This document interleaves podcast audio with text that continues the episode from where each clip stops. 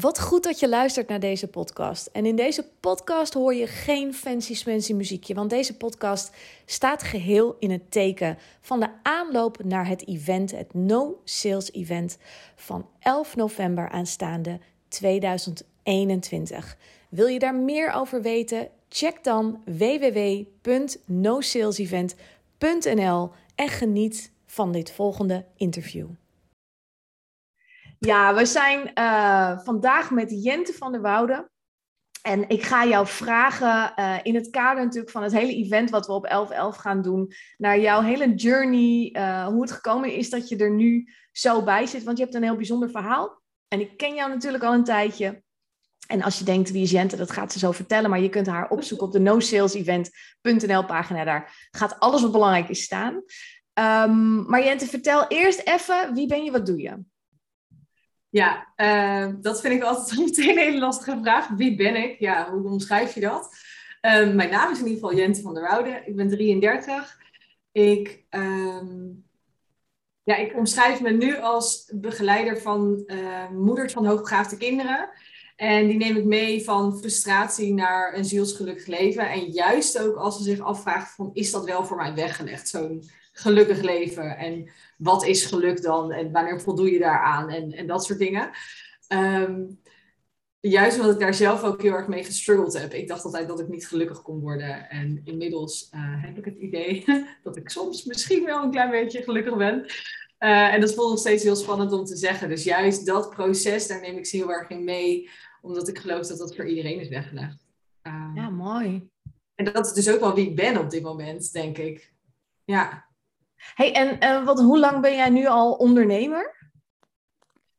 Um, ik heb me in november 2018 ingeschreven bij de Kamer van Koophandel, maar ik ben pas in juni het jaar daarna echt uh, inkomsten gaan genereren. Uh, nee, nou goed, in ieder geval ergens in, in, in 2019 ben ik pas inkomsten gaan ja, maken voor mezelf. en dat was dan ook nog via opdrachtgevers. En die heb ik tot eigenlijk deze zomer gehouden. En steeds meer mijn eigen klanten daarnaast uh, gekregen. Maar dus heel veel vanuit uh, opdrachtgevers gewerkt. Want wat deed jij hiervoor? Want wat, wat je nu doet ja. is niet natuurlijk waar je mee begonnen bent, hè? Nee, dat klopt. Dat is een goede vraag. Ik heb, uh, voordat ik mijn eigen bedrijf had, stond ik voor de klas. Uh, basisonderwijs. En in mijn eigen bedrijf tot voor deze zomer eigenlijk begeleidde ik hoogbegaafde kinderen. Um, en dat was heel vaak in de schoolsituatie of de thuiszitters. Dus de kinderen die al uh, ja, eigenlijk juist uitvielen op school en, en zo niet op hun plek waren.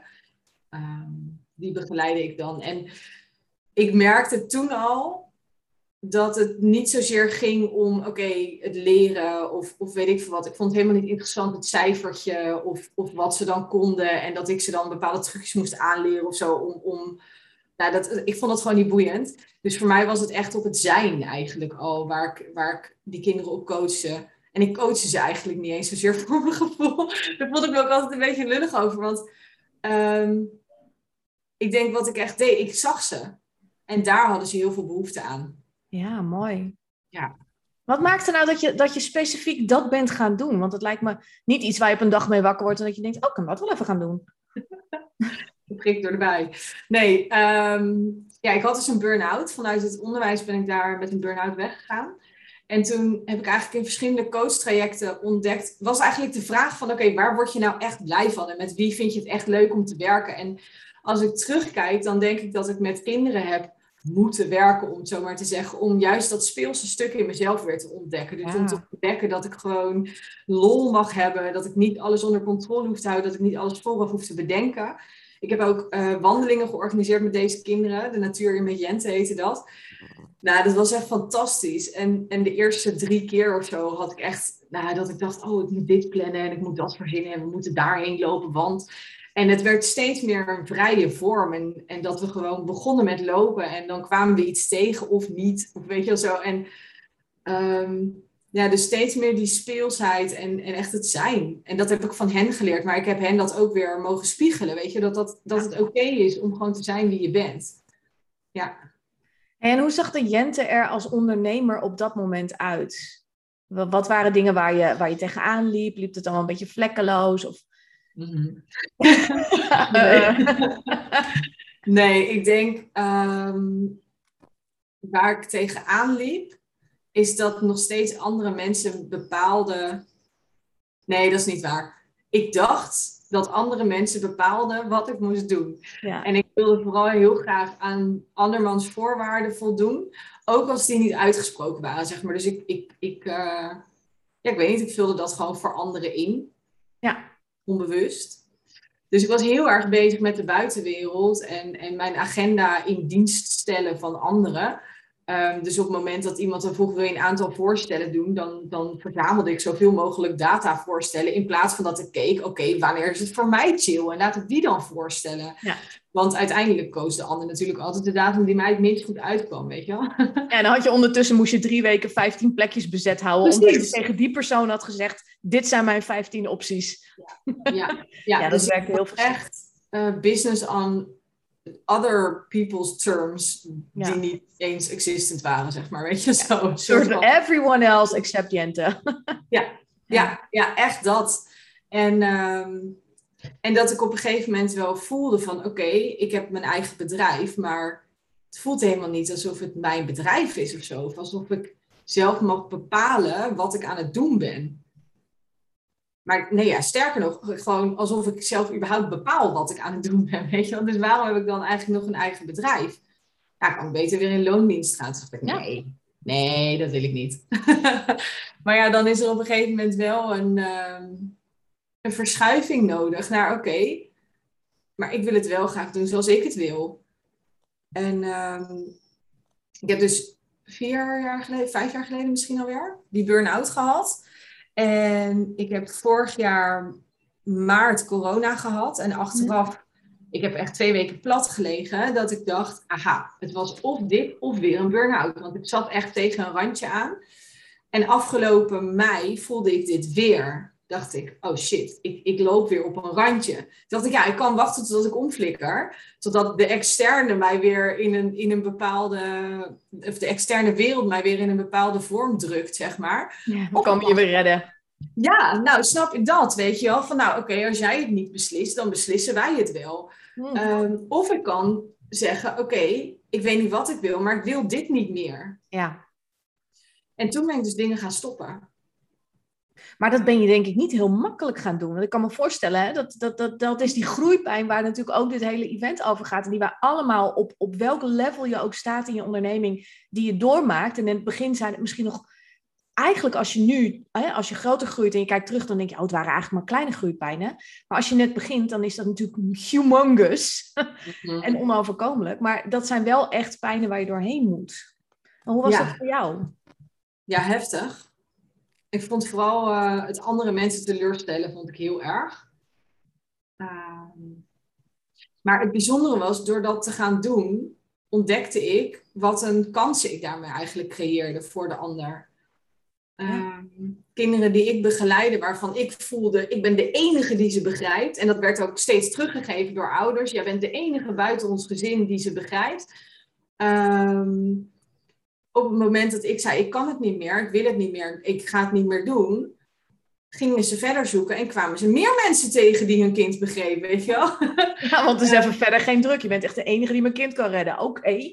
Maar zo voelde het. Maar ik, ik, ik geloof dus ook wel, als ik nu terugkijk hoor, dat, dat geloofde ik toen nog niet, maar dat ik dat zelf gecreëerd heb, weet je wel. Ik, ik wilde zo graag belangrijk gevonden worden, dat ik ook, ja, het was een soort weerspiegeling van, eigenlijk alleen maar een bevestiging van, je bent inderdaad knetterbelangrijk, dank je wel, thank you, thank you. Maar dat, dat legde uiteindelijk inderdaad een druk op mijn schouders die ik helemaal niet wilde. En een kooitje. Want eh, als, als ondernemer groeien om, om andere kansen weer achterna te gaan. Hè? Want wij Ja. kennen elkaar natuurlijk, dus ik, ik ken jouw proces ook wel. Ehm, er was op een gegeven moment ook gewoon die fluistering ergens dat er iets mocht veranderen. En soms komt dat in de vorm van corona, burn-out, whatever. En, en soms is dat ook precies het juiste wat je nodig hebt. Maar hoe is dat, Ja. hoe is dat gegaan voor jou? Dat er ergens iets opkwam wat anders was dan wat je deed? Oh, joh, wat een brede vraag. Ehm, er komen echt namelijk zoveel momenten in mijn hoofd op van ja, dat, dat, dat. Nou, laat ik het Mm. anders stellen. Wat, wat Ja. was eigenlijk het eerste moment dat je ergens, en, en waar zit dat dan bij jou bijvoorbeeld, Mhm. voelde, ik geloof dat ik wat ik nu doe, dat dat niet helemaal juist is wat ik zou moeten doen. ja, nog steeds echt, ik, ik, denk dat ik dit mijn hele leven al heb. dat ik altijd al voel, het klopt niet wat ik doe. Het klopt niet. Ik, hoor, ik, ik moet hier niet zijn, ik moet niet op deze manier. Maar altijd, ik, ik weet niet hoe dan wel. En wat dan mijn mechanisme is, ik zit, ik fight, flight, freeze. Ik ben de freezer, zeg maar. Ik steek mijn kop in het zand en ik wacht af totdat de shitstorm voorbij is. En dan denk ik, oké, kan ik weer. Ja. Ehm, maar ik voel ook steeds meer van, ik wil dat niet. Dus ik, ik mag in beweging komen, ik mag in beweging blijven. Ehm, wat voor mij een heel groot verschil heeft gemaakt, is echt luisteren naar die, naar, naar, naar die fluistering. En ehm, ik heb ontdekt dat bijvoorbeeld als ik ehm, met iemand ga samenwerken, met een, ja, ik vind samenwerken altijd zoiets, uh, een soort sappigs, maar als ik een nieuwe coach heb, uh, de enige reden dat ik bij iemand instap, dus dat ik, dat ik gecoacht wil worden door iemand, is als ik weerstand voel. Als ik geen weerstand voel, dan weet ik, nou oké, dan is die persoon niet voor mij. Als ik te veel weerstand voel, dan weet ik ook dat die, dat, dat niet mijn persoon is. Maar Ehm, ik heb eh, de afgelopen twee jaar alleen maar coaches gehad waarvan ik dacht, nee, weet ik dat wel zeker. En ik denk dat dat ook een van de redenen is dat ik nog steeds niet bij jou uh, ben ingestapt, ever. Ik die weerstand niet echt voel, snap je? hey, thanks. ja. En dat zal voor andere mensen misschien anders zijn. En misschien op een ander moment ook anders hoor. Maar ehm, eh, dus die weerstand en, en dat ik dus achteraf kan zien. Dat ik vorig jaar juni ben ik in een traject ingestapt. En dat heeft gewoon zoveel voor mij opengegooid. Ik wist helemaal niet dat er iets bestond als een money healing. Ik dacht, wat is dat? En dat je dan ergens op een afstand moet gaan zitten en dat iemand zonder dat hij je ziet of dat hij je spreekt, iets in jouw energie kan veranderen what the fuck, weet je wel, zo. Eh, en dat, maar door steeds meer dat soort stapjes te nemen, voelde ik steeds beter, oké, dit wel, dit niet. En ik denk ook gewoon vaker op mijn bek gaan. Ja. Ehm, en de enige reden dat ik nu, en dat klinkt, dat is dan meteen weer heel zweverig, maar wat mij heel erg geholpen heeft, is eigenlijk beseffen dat, um, en ik twijfel nog steeds een beetje of ik dit echt geloof. Maar goed, het helpt me wel. Om te. Placebo werkt ook, hè? Dus wat mij betreft, go. Alles wat, wat werkt, doen. Ja, ja, dat dit leven een van de vele levens is, zeg maar. Dus ehm, dat helpt op twee manieren. Op één manier, ik hoef niet alles goed te doen.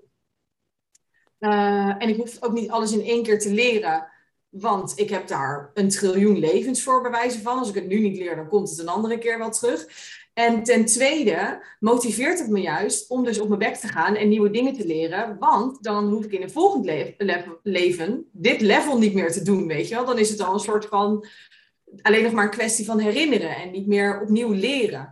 Ja. Ehm, dus het gaat eigenlijk twee kanten op. Er ligt minder druk op, maar ook meer motivatie om het dus wel te doen. En om dus wel fouten te durven maken. En ehm, ja, dat, dat heeft me gewoon heel veel vrijheid gegeven eigenlijk.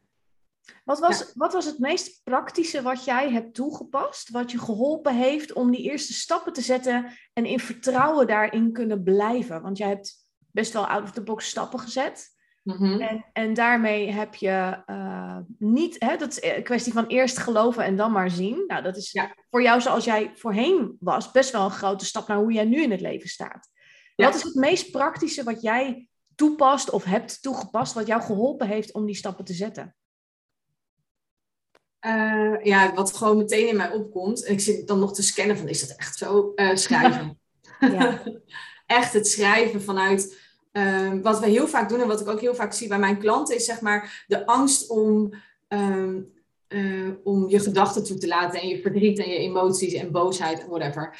Maar juist door dat toe te laten ontstaat er ruimte en, en wordt er minder om aandacht geschreeuwd, zeg maar. Omdat je die stukken in jezelf ziet die eigenlijk om aandacht aan het schreeuwen zijn Ehm, ja, is dat geschreeuw gewoon minder nodig. Dus wat ik doe, ik schrijf. En ik schrijf, ik ben bang, wat als? Mijn, dat is mijn ego, mijn mind, die, die denkt alleen maar in wat als je e-, alleen achterblijft? Wat als iedereen doodgaat? Wat als niemand je meer leuk vindt? Wat als dit, wat als dat? Ik ben bang dat ik alleen achterblijf. Allemaal van die jank, jank, jank. En en daarna schrijf ik uit, oké, hoe is het echt, weet je wel? ja, ik snap dat je bang bent dat, dat mensen je misschien niet meer leuk vinden en dat je daardoor alleen blijft. Maar serieus, door hoe meer jij je uitspreekt en hoe meer je jezelf bent, hoe meer andere mensen jou juist leuker gaan vinden en jou kunnen vinden. En, ehm, en dan nog, ook al vindt niemand je leuk, dan nog ben je oké. Of nee, ik schreef dus altijd vanuit je, maar ik ben steeds meer aan het schrijven, dan nog ben ik oké. Ja. Want ook dit stuk is een stuk van mij, zeg maar. Ehm, ja, dat. Ja, ik noem dat dan mijn ziel. Sommige mensen noemen het je hogere zelf of je intuïtie of whatever, weet je wel. Maar ja, voor mij is dat echt een, een stuk wat gewoon in vertrouwen is en, en gelooft dat het allemaal goed komt. En, en al ziet wat het grotere plaatje is. Dat heeft, ja, dat heeft mij heel erg geholpen. En het zijn best wel zweverige dingen, maar eigenlijk is het tegelijkertijd ook juist heel aards. Omdat ik weet zeker dat iedereen die dit zit te kijken, die, die voelt dat verschil tussen dat paniekerige ego en een stuk dat voelt, oh ja, het komt allemaal wel goed. Bijna een soort behelzing van, oh, komt ja. wel goed, schatje, weet je wel. Ehm, ja, en, en uh, ik, ik vergelijk het wel met dat voice dialogue, weet je, dat je heel veel mensen in een persoonlijke stukken van je persoonlijkheid delen, heb je dan in een bus zitten. Um, en die communiceren met elkaar. En voor mij is het, mijn ego en mijn ziel zitten samen in een bus. En dat ego, dat vermomt zich in 1500 uh, eh, delen, omdat hij gewoon aandacht wil, weet je wel. Um, maar eigenlijk is het allemaal ego. Um, en het, het geeft mij gewoon heel veel rust en een soort overzicht van, oh ja, oké, als die twee nou gewoon lekker met elkaar communiceren, de ene keer zit de ene aan het sturen en de andere keer de ander, weet je wel, dat is oké. Ja. ja, dat als je het maar waarneemt. Want daar zit natuurlijk wel uh, de regie. Hè? Want, want eigenlijk hebben we nul controle over ons leven. Maar, maar toch door zo waar te kunnen nemen, kun je meegaan op, op de stroming waar je in mee moet. En niet uh, met je ego inderdaad en je weerstand tegen die stroom in gaan zitten harken. Wat gewoon uitput. Ja. ja. Hey, en ook ja, jij... ik hoorde laatst... Sorry. Nee, ga uh, ik hoorde laatst ook nog de zin... Um, we denken vaak dat ons ego het probleem is. Maar het is de identificatie met het ego wat het probleem is. Ja. En voor mij gaat dat verder, namelijk ook de identificatie met emoties of met een bepaalde staat van zijn. Um, ik, ik ben nu mijn huis aan het ontruimen, om het zomaar even heel dramatisch te stellen. Ik, ik gooi al mijn spullen weg, ik, ik geef het weg. Uh, maar ik heb dus ook een, stuk, een deel van mijn spullen verbrand, omdat ik als tiener was ik echt heel ongelukkig. En als, als uh, student ook nog wel een tijdje, maar vooral als tiener. Ik was echt diep ongelukkig. Um, en ik schreef heel veel. Echt dramatische gedichten en liedjes. Donkere kanten. Echt, ja, echt. En ik, ik um, ook met bloed op pagina's en zwart gekrast. En weet ik, nou echt drama. En ik besefte dus dat ik dit echt nog onderdeel van mijn identiteit had gemaakt. Dus ik ben dat depressieve meisje. Maar dat is helemaal niet zo. Het, het, zeg maar, ik heb mij heel depressief gevoeld. en ik, ik heb mij heel ongelukkig gevoeld. Maar ik ben niet ongelukkig. Um, en het is ook, zeg maar, wat we heel vaak zeggen, ik ben verdrietig. Nee, ik heb verdriet. Want dan kun je dat ook veel makkelijker loslaten dan wanneer je het een stuk van je identiteit maakt. En als je zegt ik ben verdrietig, dan is dat wie jij bent. En hoe laat je nou een stuk van jezelf los, weet je? Dat is bijna niet te doen. Ja. Dus die identificatie daarmee, dat, dat maakt eigenlijk het probleem. Ja, dus dat uh, wil ik nog even als aanvulling maken. Ik moet even, want het is zo grappig. In mijn hoofd uh, komt ineens dat ik heb natuurlijk twee kinderen. En, en, en mhm. die jongste die had heel erg moeite met het, uh, met het ontlasten, letterlijk. En dat dat dus bij kinderen ook zo'n psychologisch stuk is van ik, hoe eng het is om een deel van jezelf los te laten en ik weet niet waar het heen gaat. En dat ik me nu eigenlijk realiseer dat wij dat als volwassenen nog steeds op een level vaak doen. Je zo identificeren met iets wat er gewoon letterlijk, wat gewoon ontlasting is, gewoon afval uit je lijf. En dat is verdriet ook. Dus het is heel mooi dat je dat uh, zo benoemt, want dat, dat doen we echt te weinig om daar op die manier naar te kijken. En dat, uh, ik ook hoor, want weet je, dat is natuurlijk als je zelf in je eigen emotie zit. Uh, nou ja, veel van ons zijn, zijn natuurlijk een coach of, of doen iets in die, ehm, in die branche. En dan ben je zo met de ander altijd bezig en dat kun je allemaal heel goed. Maar als het voor jezelf is, dan ben je zo verblind eigenlijk door die gevoelens, dat je soms gewoon mhm. niet meer helder denkt. En dat het dus ook inderdaad integratie dan is. Ja.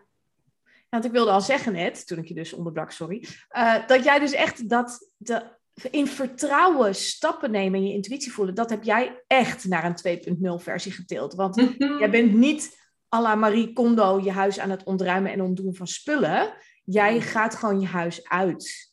Wil, wil je daar iets over delen? Want ik, wat mij betreft vind ik je fucking dapper. Een mhm. ongelooflijke bron van inspiratie. Uh, en, en mag ik ook een soort van met je mee in, in die reis van wat er dan allemaal met je gebeurt. vertel even wat je gaat doen. Ja. Nou, dat weet je dus niet, maar vertel even wat je aan het doen bent. ja, precies. Ja, het mooie is wat jij nu zegt. Ik was dit weekend bij mijn vader. En die zei uh, na, na een paar wijntjes uh, heel emotioneel van... Ja, Jent, ik ken echt niemand die... die in mijn hele leven ben ik nog nooit iemand tegengekomen die gaat doen wat jij gaat doen. Of die heeft gedaan wat jij gaat doen. Hij zegt, ik, ik ken gewoon niemand. Dus dacht ik, oh ja. Ja. Uh, maar goed, druk.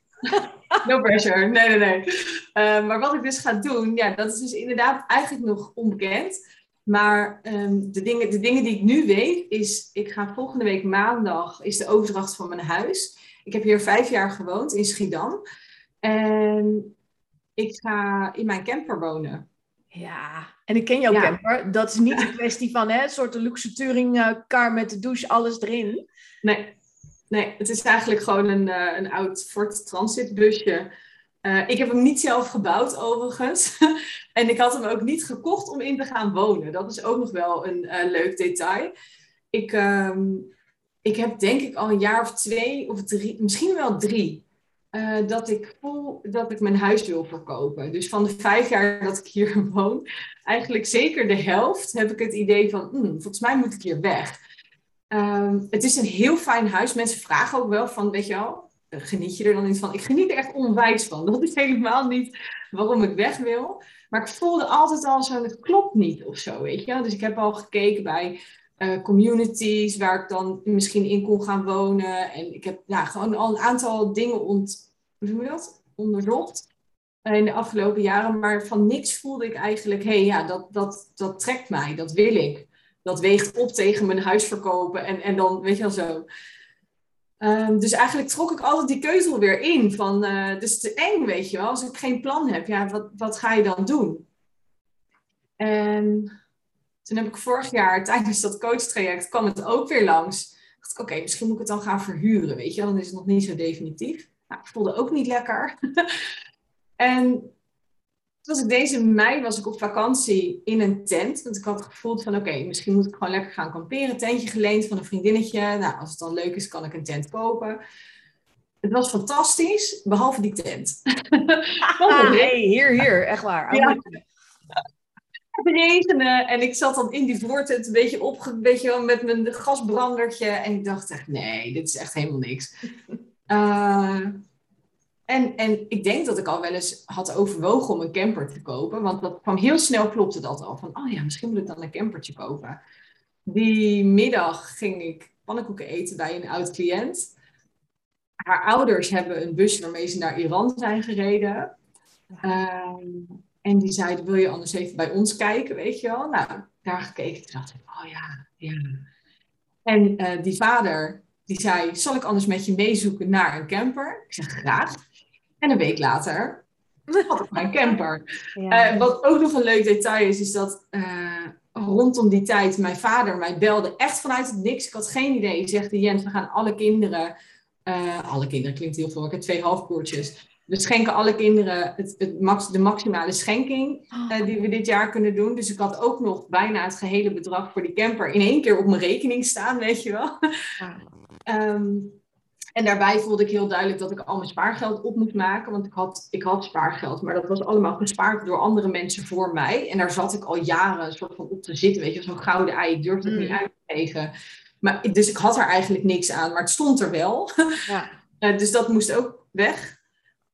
En uh, toen had ik dus die camper gekocht. En drie dagen later voelde ik opeens, oh, nu kan ik mijn huis verkopen. Ja. En toen dacht ik, kut, kut, kut, kut. kut. Wel, nee, ja. Nee, nee man.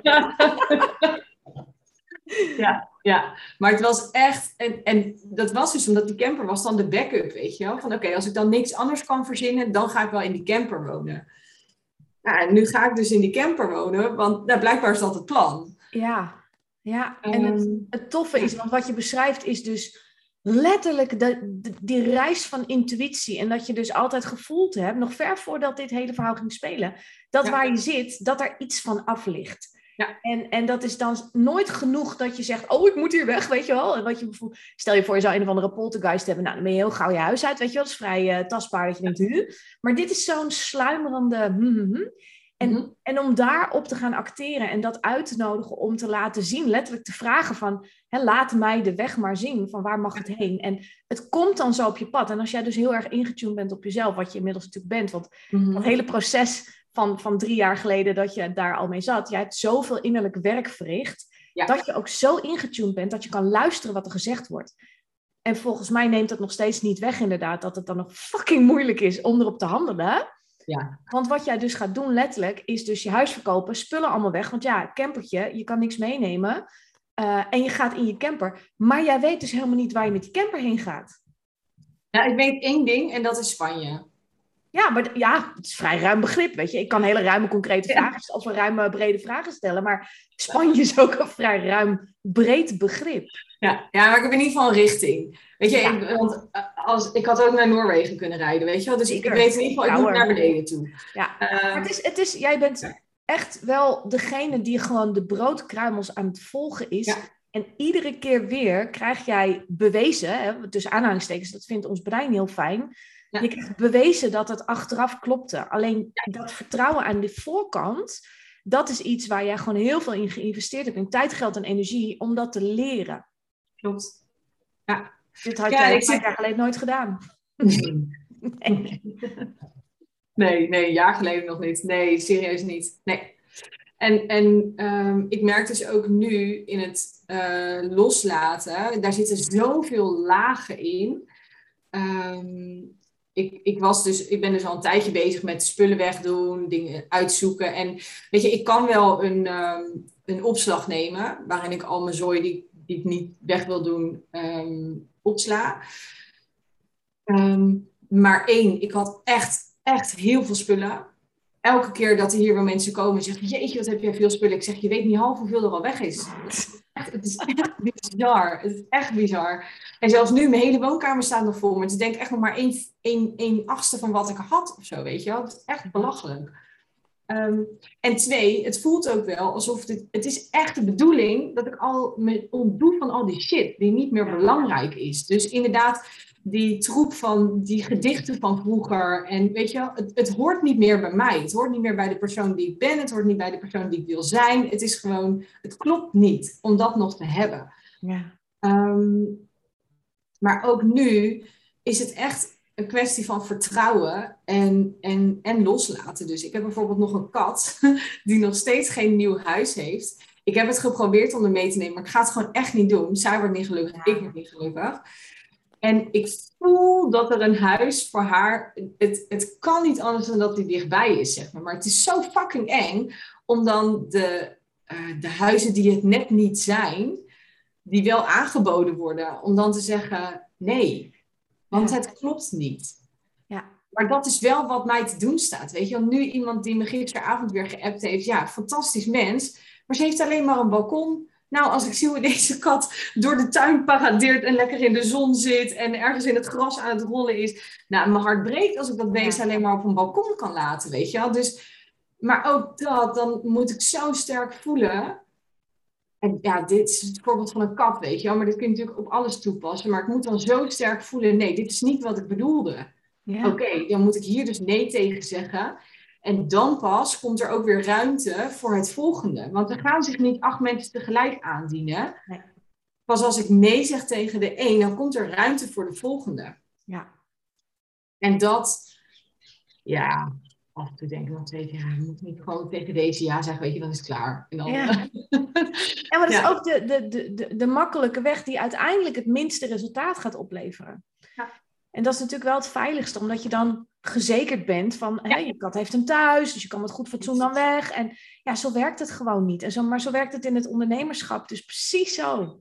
ja. Ja, Ja, maar dat zijn, er zitten zoveel ondernemerslessen in dit gesprek. Echt waar, ik, eh, ik kan ze niet eens opnoemen, maar, maar eh, als je dit luistert of kijkt, dan eh, moet je hem misschien zelfs nog wel eens een paar keer terugluisteren om, om eruit te filteren ja, hoe je dit moet doen. Mhm. Op verschillende levels, niet alleen voor je business, maar ook gewoon voor je leven. Want mensen zoals jij en ik en, en mensen die luisteren, dat zijn mensen die, die die combinatie maken. Wij zijn het allemaal, dus we staan niet los van werk en leven. Wij zijn het beide. En ik denk, en dat spreek ik denk ook wel een beetje voor jou, dat jij ook meer levenswerk voelt dan dat je zegt, oh, maar ik moet geld verdienen of zo. Ja. Er moet wel geld verdiend worden. Ik bedoel, je kan niet van de lucht leven. Uh, Nou, ik verkoop toevallig eh, volgende week mijn huis. En een camper heeft misschien ook niet zoveel kosten en zo, maar toch, weet je, het is als je nog misschien iets tegenkomt, want, nou ja, wie weet, we hebben het ook wel eens over gehad, en dan ga je naar Spanje, stel je nou voor, je komt ergens binnenrijden, en je denkt, ja, dit is het. En daar kan je met je kapitaaltje iets starten, iets moois, wat, wat je gewoon vanuit je tenen gaat voelen. Ja. Dan is het er. Maar het is niet het eerste ding. Dus eigenlijk geef je nu eerst alles op om iets veel mooiers te kunnen terugkrijgen, maar je weet het dus nu nog niet. Maar Nee. toch weet je het. ik, ik voel dat het komt. Ja. Ja. ja. En ik voel dus ook dat. Maar goed, dat is misschien ook mijn ego die dit probeert in te vullen hoor. Dat, dat inderdaad ehm, ik ergens binnen ga rijden en dan voel, holy shit, hier moet ik zijn. En, en dat ik alleen maar in die camper moet wonen, zodat ik kan ontspullen, weet je wel. Want als je mij gewoon een nieuw huis had gegeven nu, had gezegd van nou, rij naar Spanje of vlieg naar Spanje en ga daar wonen. Ehm, ja, dan, dan had ik aan niet alles losgelaten. Dan had ik het gewoon in een container gepropt en naar Spanje laten overvaren. Ehm, maar dan had ik dus ook dit hele vertrouwen nooit zo next level tot in mijn tenen geoefend, zeg maar. En ehm, ik denk ook wel dat... Ik spreek dan wel eens mensen die zeggen... eh, ja, ik, ik wil wat jij hebt, maar ik wil niet in een camper wonen, weet je wel. Of, of dat eh, hoeft ook niet. Nee, dat Ja. ook vooral, weet je wel. Het is niet zo dat mijn ideale leven of mijn vanuit mijn ziel leven of vanuit mijn tenen of whatever, weet je wel, dat dat, dat, dat jouw manier is. En ik denk juist dat dat ook het allerbelangrijkste is. En dat leer ik mijn klanten dus ook. Oké, voel wat voor jou werkt en wat voor jou. En ik wil wat voor mij heeft gewerkt. Ja, misschien is dat niet jouw manier, weet je wel. En, misschien eh, als we over een jaar eens bij je inchecken van hoe gaat het eigenlijk met Jente van der Woude, dat je op een of andere villa zit omdat je denkt, fucking kutcamper jongen, dat past nu helemaal niet meer bij wie ik ben. Dat kan allemaal en het is allemaal oké. dat. Ja, hoewel ik het wel denk dat het meevalt met jou, met eh, villa's en dat soort dingen, maar Never know. ja. Of Ja. een commune of zo, dat je ergens in zo'n Kumbaya-commune zit. Ja, dat zie ik nog wel voor me hoor. Ja, Lekker een beetje kampvuurtje stoken. Ja. Ja, Ja, ja, maar maar, dit is dat is inderdaad het comfortabele in het eh, oncomfortabele zoeken of zo. En een soort van de veiligheid in de onveiligheid. En, eh, Ja, word comfortabel ook met het oncomfortabele. Want dat, Ja. is, dat is ondernemen 2.0, maar dat is ook gewoon het leven. Ja. Je, je voelt comfort. Nou, we hebben allemaal de afgelopen twee jaar kunnen zien wat voor shitzooi en discomfort er gekomen is zonder dat iemand daarom gevraagd heeft. Ja.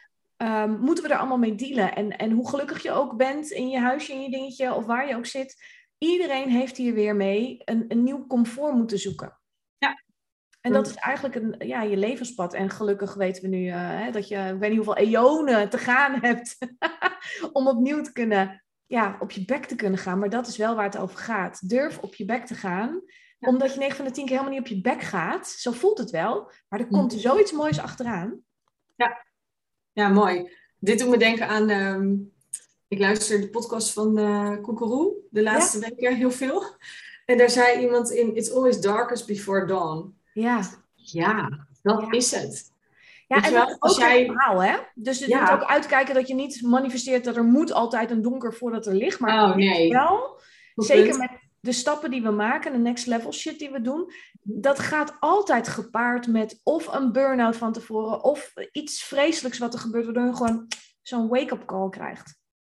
Ja, en ook, maar dit is wel mooi wat je zegt, want inderdaad, eh, het is ook maar een verhaal. En tegelijkertijd is jouw vreselijk is niet mijn vreselijk. Dus ehm, voor mij kan het zijn dat ik mijn been breek en dat ik van daaruit denk, holy shit, mijn leven moet om. Ja. Ehm, terwijl jij dat inzicht misschien krijgt op het moment dat er iemand eh, heel erg ziek wordt in je omgeving. Of weet je wel zo, dat dat gewoon een ander realisatievlak is. En, en voor de een zal het zijn bij zichzelf, voor de ander bij de ander. Weet je, en misschien is het. I don't know, echt alles, alles kan daarvoor zorgen. En alles kan ook een, een donker moment zijn, zeg maar. Eh, maar ik denk ook dat het voornamelijk voor mezelf heel erg helpt om dat te zien van op het moment dat ik in een donker stuk zit en denk, holy shit, hier komt echt nooit het einde aan, weet je wel. Wat een ellendig leven. Misschien moet ik er maar mee stoppen, weet je wel. Nou, dat denk ik nu niet zo vaak meer, maar vroeger dacht ik dat zeker wel. Ehm, maar de, weet je, dat zorgt juist voor een doorbraak. Ja. Want zonder dat donker kan het licht er ook niet zijn. Nee, dat is ook zo. Ja. En, en vaak bij ondernemerschap, dat kunnen we nu wel concluderen als gewoon een bewezen feit, dat uh, mensen zich altijd super oncomfortabel voelen in hun bedrijf, dat niks lijkt te werken, dat, dat je echt denkt, why the fuck wou ik dit ook alweer? En, en ik ga er nooit komen. En dat je zo wiebelig wordt en daarachter zit altijd goud. Dan, dan ga je zo weer. Maar om te blijven staan in dat tussenstuk, ja, dat vraagt gewoon echt heel veel van je. En als je daar je grootste werk in doet, en dat doe jij, ja, dan wordt je intuïtie volgen wordt gewoon een natuurlijk proces. En ja. ga je mee, ook al vind je het spannend, maar, maar dan is het niet meer die, weet je wel, die kat naar de dierenarts, uh, nageltjes in het, in, in, in het pakket, weet je. Die struggle heb je dan veel minder omdat je gewoon ja. Mee... Ja, en ik denk dat wat wij allebei inmiddels uh, redelijk aan het masteren zijn, is uh, het is niet zo dat we die stukken inderdaad niet meer hebben. Maar je herkent, tenminste, ik herken mijn patronen en ik weet wat ik kan doen om mezelf eruit te sleuren. Ja. Um, of om het gewoon even uit te zitten. Weet je wel, ik, ik weet wanneer ik actie mag ondernemen en wanneer ik juist even mag zwelgen, omdat dat ook heel goed is. Weet je wel, ik hoef dat ja, gezwelg niet te negeren. I love gezwelg, maar um, ik, ik denk dat dus het is niet zo dat op het moment dat je dat onder de knie hebt, dat je nooit meer die donkere periodes doormaakt. En ik denk dat mensen dat wel heel vaak denken, weet je wel. Ja. Ik, Spoiler alert, jongens. ik denk, oké, als ik nu zeg dat ik gelukkig ben tegen mensen, weet je, oh my god, dan denken mensen dat het alleen maar rainbows en unicorn is, weet je wel. Terwijl ik ook nog wel die donkere stukken heb, juist. En nu voelt het juist als, wow, lekker. Er mag weer even, of nou, in het moment zelf niet hoor, maar achteraf meestal, oh ja, oké, dit was er ergens goed voor, weet je wel. Donkere stukken zijn er om me te helpen, om te groeien en om uh, lelies uit de modder weet ik veel wat, weet je Dus dan, ja, dat, dat is gewoon, het hoort erbij. Het is altijd en en. En op het moment dat je dat begrijpt, dan kun je er dus ook mee dealen. En dan word je niet zo heen en weer getrokken, maar dan ben je zelf uh, meer de balans aan het maken. En dat is echt heel lekker. Dus je mag soms gewoon helemaal achterover hangen. En je moet jezelf soms gewoon een trap onder je hol geven. En, en dat kun je best wel zelf managen. En, en ik ben wel een type, ik heb altijd ook wel een coach. En, en er zal een moment komen dat ik denk, nee man, nu ga ik even lekker een tijdje alleen uh, pieren waaien. Maar als je mij te lang in mijn eigen shit laat zitten, dan ga ik, denk ik, weet ik nog niet, maar denk ik mijn stemmetje weer een beetje geloven. Dat je denkt, oh, wordt het weer moeilijk, moeilijk. Maar ik kan het wel managen. Dus zolang ik heel, heel erg wil groeien, heb ik wel uh, continu die, die spiegel nodig en continu dat, dat waarnemen nodig. Ja. Ja.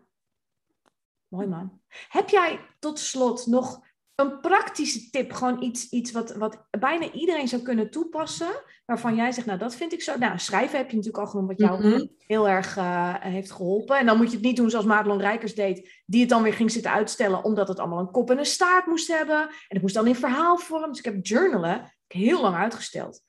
Dus dat hoeft allemaal niet. Nee.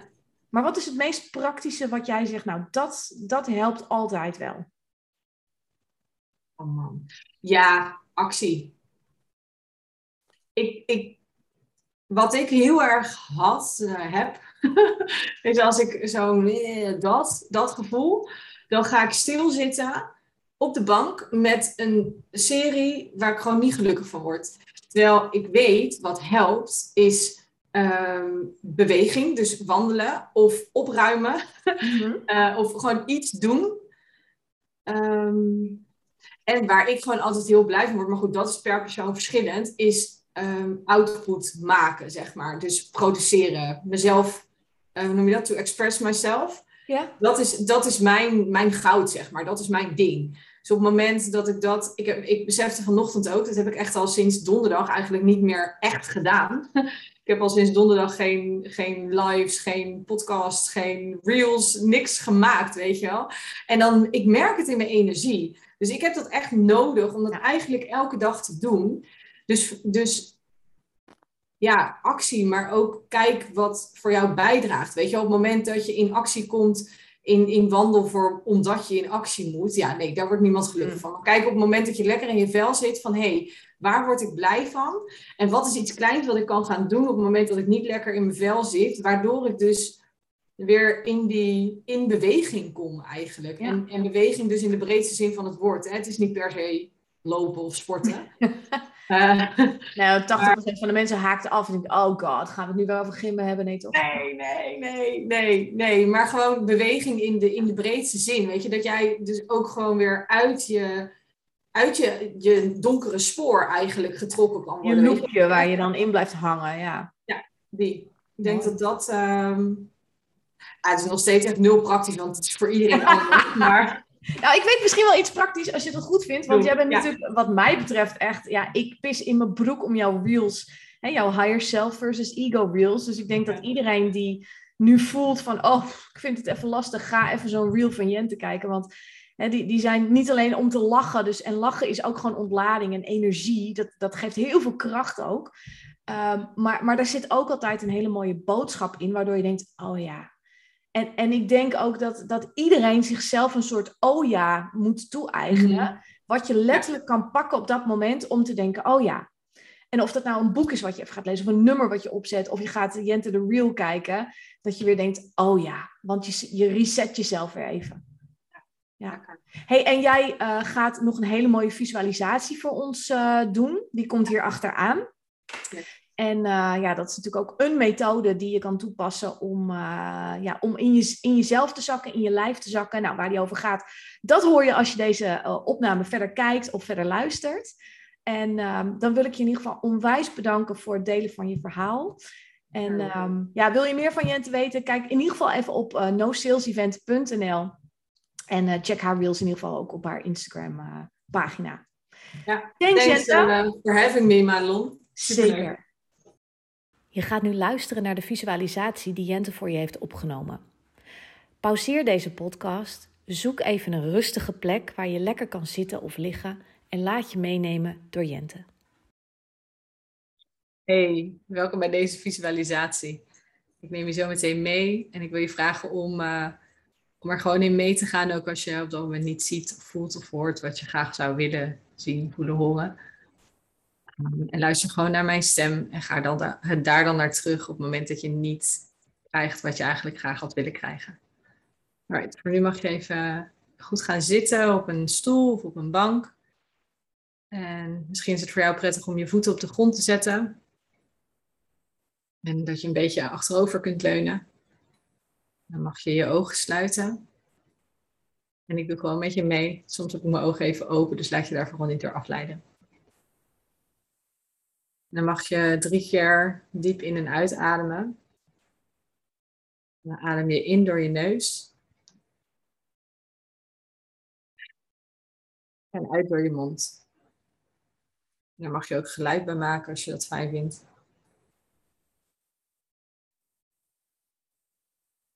En elke keer dat je uitademt, voel je jezelf dieper in je lijf zakken. Voel je jezelf dieper in de stoel zakken voel je zwaarder worden.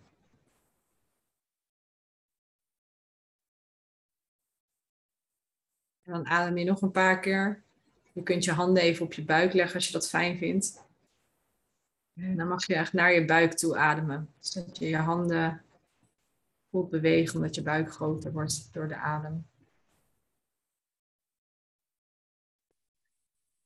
Weer in door je neus en uit door je mond.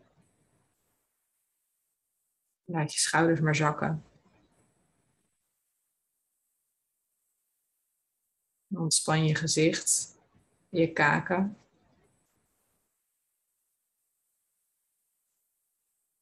Je benen.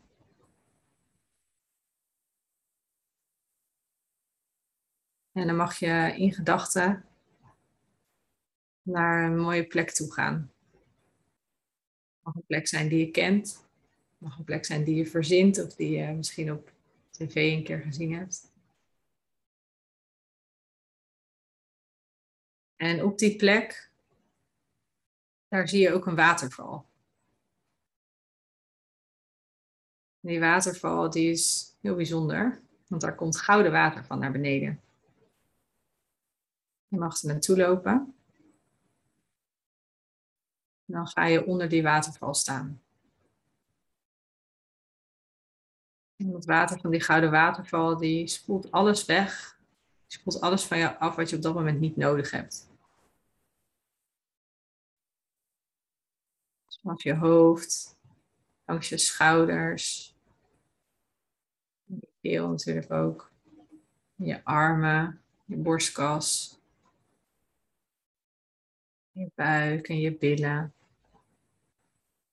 langs je benen en je voeten. En het gouden water neemt alles mee wat jou op dit moment niet dient. Alle zorgen, alle gedachten. als je het idee hebt dat de buitenkant van je lijf goed schoongespoeld is, mag je een denkbeeldige klepje op je kruin openen. Aan de bovenkant van je hoofd. Een denkbeeldig klepje. Via daar laat je dat gouden water van die waterval ook je lijf instromen. Niet alleen via de buitenkant, maar ook aan de binnenkant. En dan mag je voelen of kijken hoe dat gouden water jouw lijf instroomt. Zijpelt het of druppelt het? Gaat het misschien als een grote kolkende massa je lichaam in? Dan mag je het helemaal vanaf je hoofd, door je keel, door je romp, in je armen, En hou ik je benen het helemaal doorheen laten spoelen. En ook aan de binnenkant neemt dit gouden water alles mee wat jou op dit moment niet dient. Al je gedachten, al je angsten. Alle stukjes van andere mensen die je gedurende de dag hebt opgepikt. Alles wordt meegenomen en weggespoeld.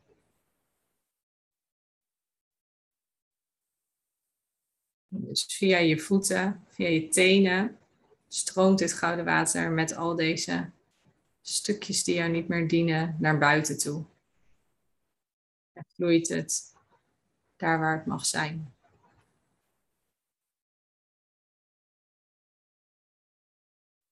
En als je het gevoel hebt dat de meeste stukjes zijn meegespoeld met het gouden water, dan mag je even op een plek gaan zitten daar waar het fijn is voor jou.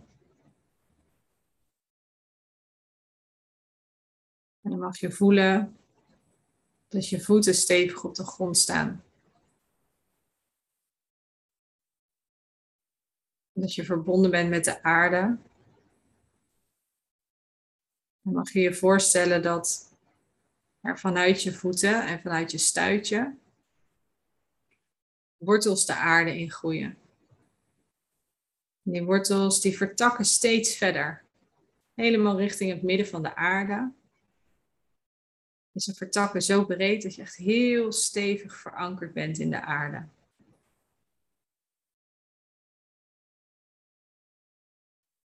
Kijk maar eens wat voor kleur die wortels hebben. Misschien verandert die kleur ook wel op het moment dat je de energie van de aarde naar jou toestroomt stroomt iets van jou de aarde in. Er stroomt ook iets van moeder aarde terug in jou. Wat voor kleur heeft dat? Voel dan ook door dat klepje wat je net ook gebruikt hebt aan de bovenkant van je hoofd. Klepje op je kruin. Van daaruit groeien takken. Takken het universum in, de ruimte in, stappen naar datgene wat daar is, wat jou helpt vanuit daar. Kan een God zijn, het universum, je engelen, voorouders,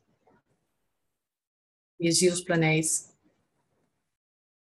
En misschien slinger je ze gewoon de ruimte in en zie je wel waar ze terechtkomen. Maar weet dat jij volledig verbonden bent met zowel Moeder Aarde als het universum. Dat jij de verbinding bent tussen die twee. En ook die takken vanuit je kruin, die vertakken de hele tijd. Dus dat je helemaal alle kanten op verbonden bent.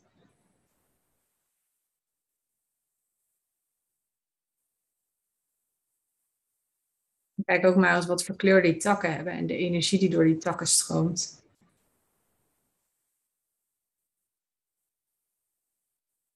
En hoe ziet jouw lichaam er op dit moment uit? Gebeurt er ook iets met de energie en de kleuren in jouw lijf? Wat je voelt, wat je waarneemt.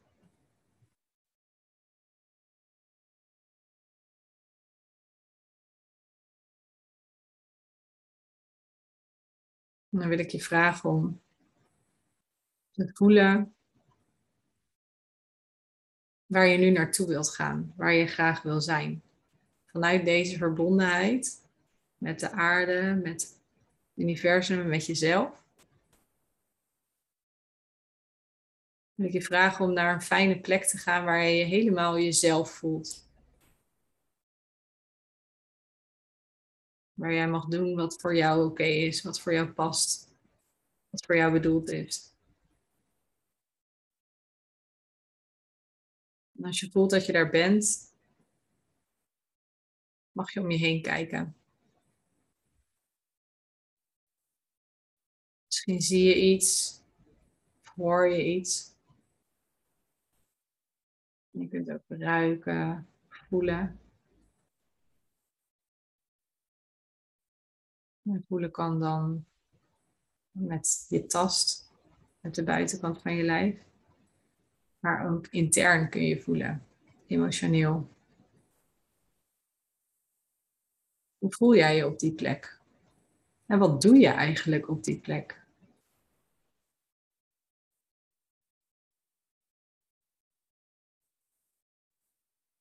En probeer daar zonder oordeel naar te kijken. Alles is oké.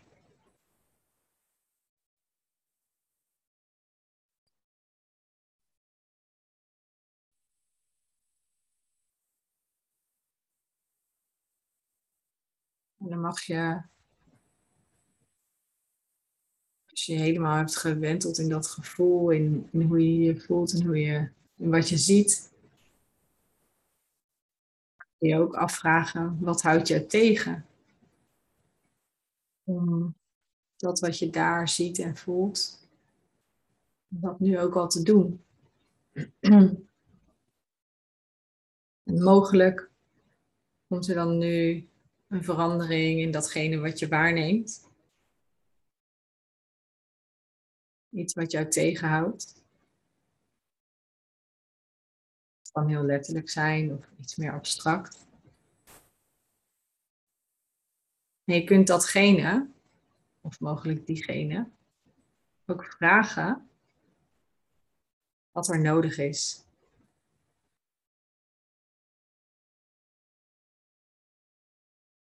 wat datgene nodig heeft om wel daarheen te komen.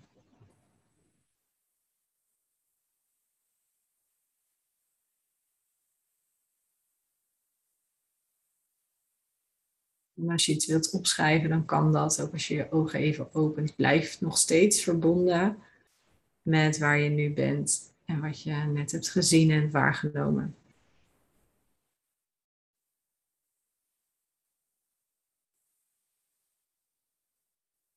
Dan mag je even voelen of er nog iets is wat je daar wilt doen of wat je moet doen. Op die fijne plek.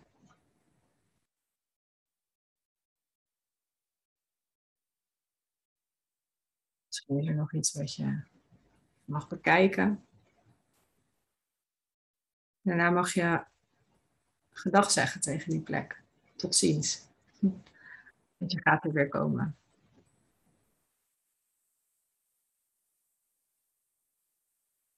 En dan mag je rustig weer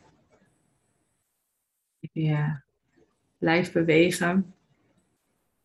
Als je er klaar voor bent, je ogen openen.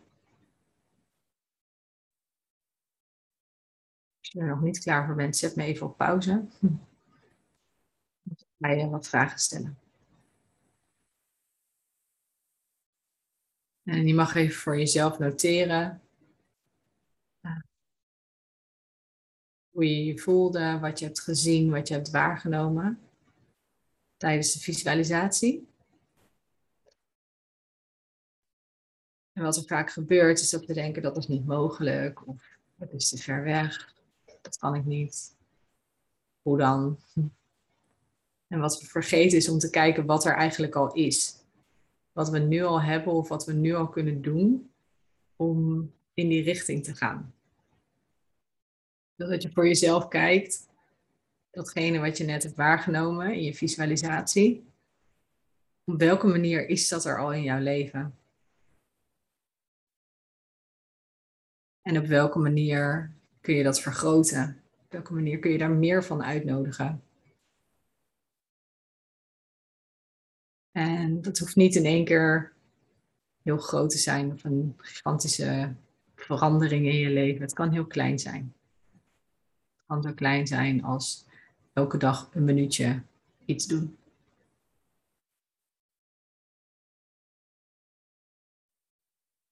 En ik wil dat je daar dan voor jezelf ook direct een actie aan verbindt.